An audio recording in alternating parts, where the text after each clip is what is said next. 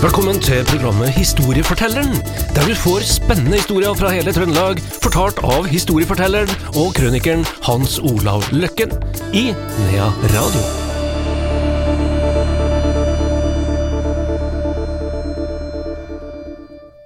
Vel møtt igjen. Her er historiefortelleren. Her er Hans Olav Løkken, og her er Andreas Reitan. Hans Olav, i dag Ja, vi skal over til Klæbu, kanskje? Vi skal eh, til Klæbu, ja.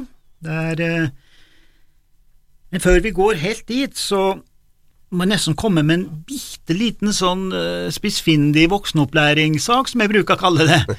Fordi at Det hender du gjør det. jeg gjør det, og det er litt sånn interessant, for det er veldig få mennesker, og det er veldig få av de som lytter på akkurat nå, som vet hvem som er Norges første konge i moderne tid, etter at vi var et selvstendig land.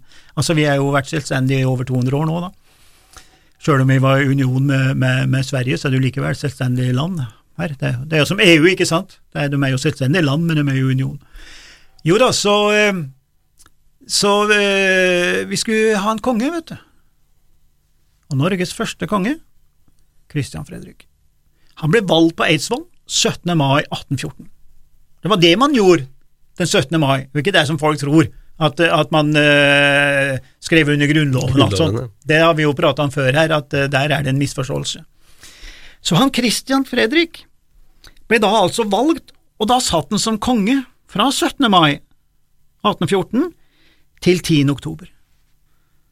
Da ble han eh, på en måte avsatt, og da fikk vi Karl Johan, den herre franskmannen som er stukket av med forloveden til, til Napoleon og litt av hvert, da.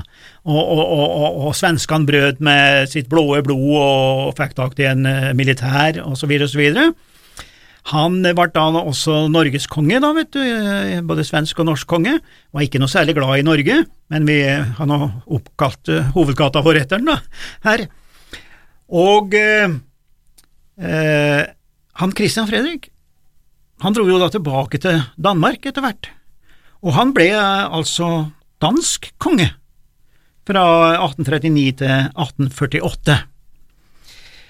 Eh, han var jo sønn av arveprins Fredrik og Sofie, men eh, det er vel ikke noe å legge skjul på, kanskje, at eh, de hevder at det var adjutanten som, eh, til, til den forrige kongen som var, var, var frampå der, da. Og, og, eh, og eh, om det er sant eller ikke, men eh, det står nå i hvert fall på Wikipedia at han har hatt stedfortreder, da. Her, og det var kanskje ikke så uvanlig i den tiden der, da.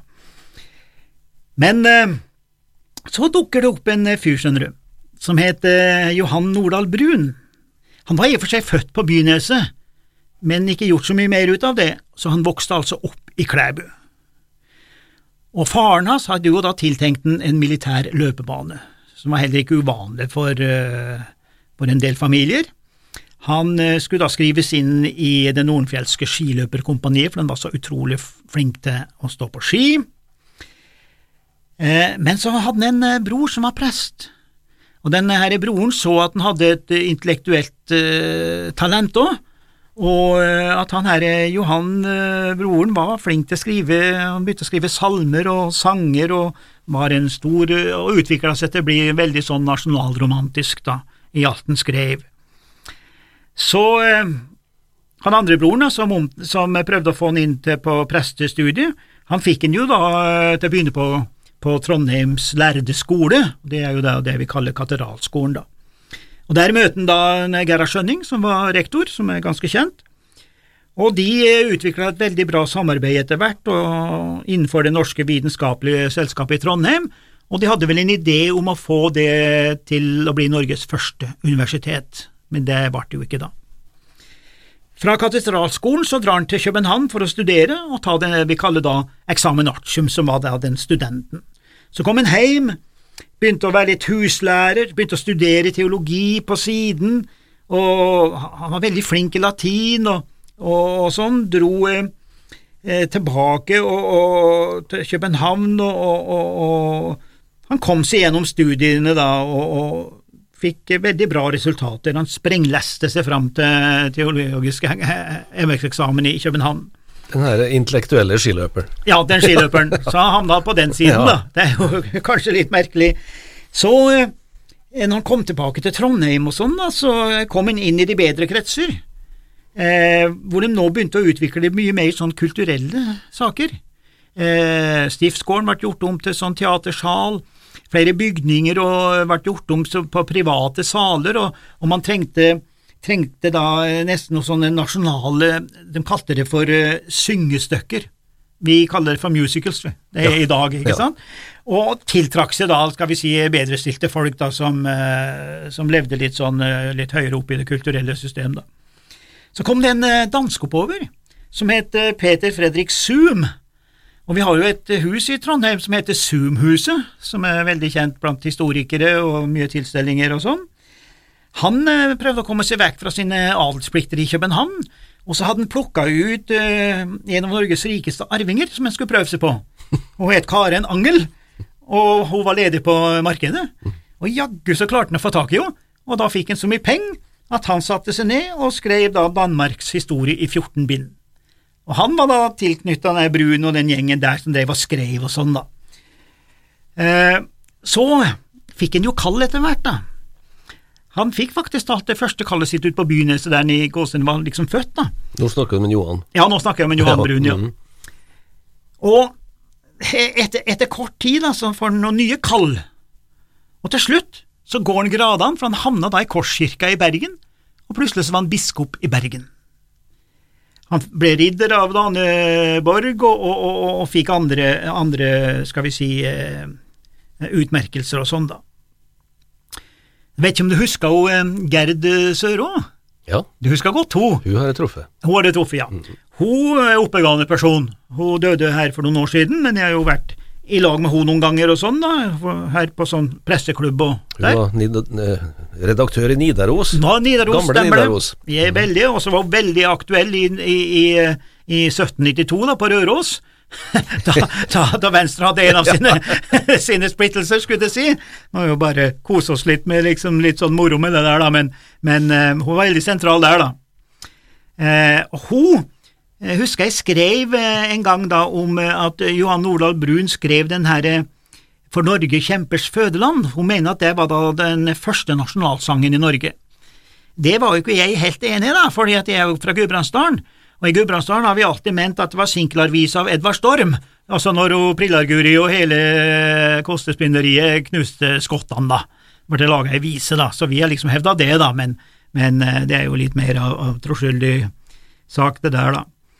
Så eh, han, han Brun skrev den her eh, For Norge kjempers fødeland, som etter hvert utvikla seg til ei sånn drikkevise, så de kalte også den for Norges skål. Den ble kanskje litt sånn uh, tøff, da, litt sånn uh, mandig brutal, der du sitter og hoier og skriker og drikker og sånn, så det var vel ikke alle som var like glad i det her, da. Og han Henrik Welgeran, han øh, syntes kanskje ikke så veldig mye om akkurat den der, så han skrev da Vi er en nasjon, vi er med, som, som jeg husker fra barneskolen, altså. Det var vel omtrent øh, pliktløp så synge den, ja, ja. i forbindelse med 17. mai og der omkring, da. Og han, hele den her For Norges kjempers fødeland og, og Vi er en nasjon, vi er med, er jo bygd på samme verssystem, tonegreie, så de kan synge nesten parallelt. Så mens Johan Nordahl Brun kjøre fram kjemper og nasjonalsystemet, så tok han Wergeland og gikk vekk fra de her kjemper og gikk over til en alen lang, altså da er du barn. Mm. Så det var barnestemmene som skulle avgjøre å være glad i landet sitt. og sånn. Veldig sånn interessant eh, ting, da, hvor det er to sånne små motpoler da, som møtes. Vi har mange sånne blant, eh, blant de gamle kjendisene, som var litt motpoler, da. Man mener jo da at, at etter vår kjempers fødeland så kom jo da Henrik Anker Bjergårds Sønner av Norge, da, som du mente var, var neste, skal vi si, som kunne blitt, blitt en nasjonalsang, fordi at vi er en nasjon med, med er ikke noen nasjonalsang, det er altså en fedrelandssang. Det er litt, må skille mellom det. Men eh, den her Sønner av Norge, den ble jo kalt for den kronede nasjonalsang, da. Og så kom Bjørnstjerne, da, med Ja, vi elsker. Ja, ja. Og han var her. Og Jordal, han, Johan Nordahl Brun, da, han skrev jo da en del skuespill, Einar Tammerskjelver, som er ganske kjent. Han skrev en salme som er ganske kjent, som heter Jesus lever, graven brast. Altså, vi, vi har hørt den, den setninga, men vi vet ikke hvem som har skrevet det. Det er jo sånn vi, vi er. Da. Og så skrev han noe som het uh, Ulrikkens utsikter, eller noe sånt. Det er det som er tittelen, men det er bedre kjent som Jeg tok min nystemte sitar i hende, altså Bergenssangen, skrevet av en trønder. Og som de synger da på Brann stadion hele ja. tiden. Det er jo litt sånn artig, da, her, for vi som syns det, om det her, da. Men så, under Eidsvollsforsamlingens uh, uh, storhetsdager, så var det noen som tilbudte, tilbudte han Johan Nordahl Brun å bli konge i Norge. Altså, for de skulle jo velge konge den 17. mai. Og det lå jo an til å bli han Christian Fredrik, for han, han har jo drevet lobbyvirksomhet her i en tre-fire måneder, vært i Nidarosdomen og Svenderne og alt sammen for å få eh, velsignelse i gåseøynene.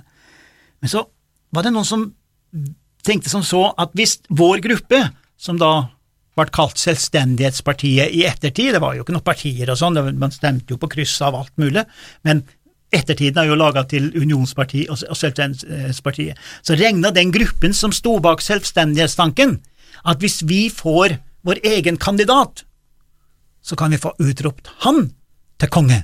Og da plukka vi ut han Johan Nordahl Brun, den her kjente fyren eh, på den tiden, da. Men han eh, Nordahl Brun, han sa nei, han. Fordi at han eh, ville være lydig, altså mot union. Altså, han følte en lojalitet, til tross for at han var fullstendig uenig, han ville at union skulle oppløses. Men han gjorde sin plikt, som han sa, jeg kan ikke ta imot det, for da er jeg illojal. Men han hadde en stor drøm, den aller største drømmen han her eh, Nordahl Brun hadde, det var å få et kall og bli prest i Klæbu. Ikke bli konge, men, men ja, prest i Klæbu. Ja, han kunne ikke bli konge. Eller han, han ville ikke bli Nei. konge, men prest, det fikk han i hvert fall ikke bli i Klæbu. Men konge kunne han bli. Fantastisk historie. Ja, det er en fantastisk historie. Ja. Takk, eh, Hans Olav Løkken. Eh, ny episode med Historiefortelleren får du neste uke til samme tid.